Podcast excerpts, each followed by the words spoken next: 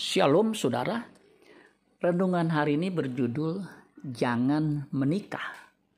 2 Korintus 6 ayat 13 sampai 14. Maka sekarang supaya timbal balik aku berkata seperti kepada anak-anakku. Bukalah hati kamu selebar-lebarnya. Janganlah kamu merupakan pasangan yang tidak seimbang dengan orang-orang yang tak percaya Sebab persamaan apakah terdapat antara kebenaran dan kedurhakaan? Atau bagaimanakah terang dapat bersatu dengan gelap? Rasul Paulus oleh ilham roh mengajarkan jemaat Korintus suatu kebenaran dalam memulai rumah tangga.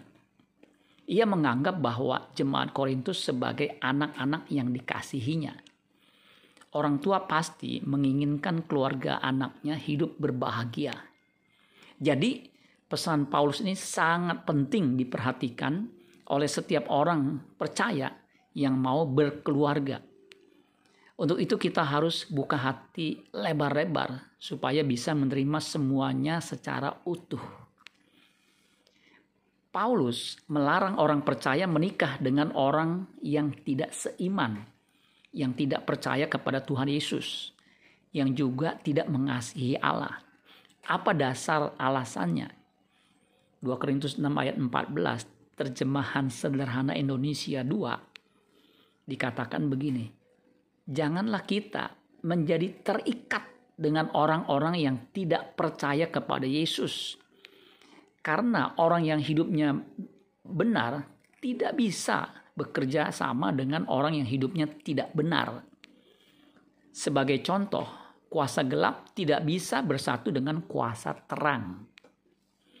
Orang yang tidak seiman tidak punya beban dan visi kerajaan Allah. Ia tidak bisa bekerja sama untuk melayani Allah. Sebagai contohnya adalah iblis dan antek-anteknya yang selalu menjadi troublemaker bagi kerajaan Allah bagaimana bisa bahagia jika anggota keluarga tidak bisa bekerja sama? Bagaimana bisa mencapai tujuan Allah jika pasangan kita punya tujuannya sendiri? Lebih baik kita sendirian daripada menikah dengan pasangan yang tidak seiman. Amin buat firman Tuhan. Tuhan Yesus memberkati. Sola Gracia.